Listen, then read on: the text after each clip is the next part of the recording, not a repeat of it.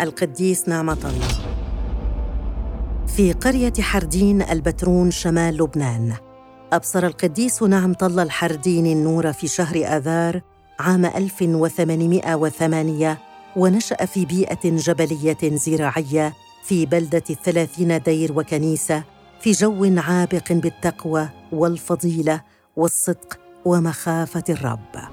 تعلم في مدرسة القرية ثم انتقل إلى بيت جده الخوري يوسف رعد في تنورين عام 1816 بقي هناك حتى سنة 1822 حيث تلقن علومه الابتدائية في مدرسة دير مار أنطونيوس التابعة للرهبانية اللبنانية المارونية. وعند بلوغه سن العشرين من العمر سمع صوت الرب في أعماقه يناديه إلى دخول الدير.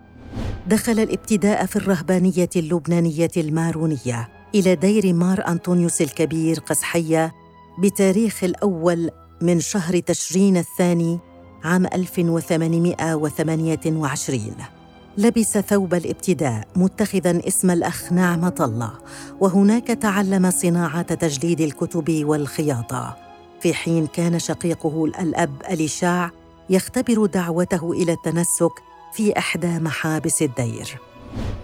أبرز نذوره الرهبانية عام 1830 وتابع دروسه الفلسفية واللاهوتية في دير مار قبريانوس ويوستينا كفيفان حتى سيم كاهنا في دير كفيفان بوضع يد المطران سمعان زوين سنة 1835 علم الأولاد وساعد في خدمة الرعايا المجاورة. إلى أن عين مديراً للإخوة الدارسين في دير كفيفان كما عينه الكرسي الرسولي مدبراً عاماً للرهبانية. عام 1848 عين وكيلاً لدير مار مارون عناية.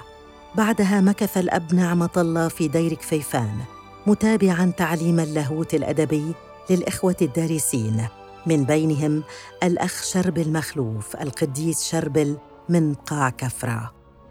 أصيب الأب نعمة الله بمرض ذات الجنب بسبب الريح الشمالية فتوفي ودفن في كفيفان سنة 1858 وفي الليلة التي دفن فيها حدث أن انبعث من القبر نور ساطع مشع فتقاطر المؤمنون إلى قبره من كل صوب طالبين النعم والبركات.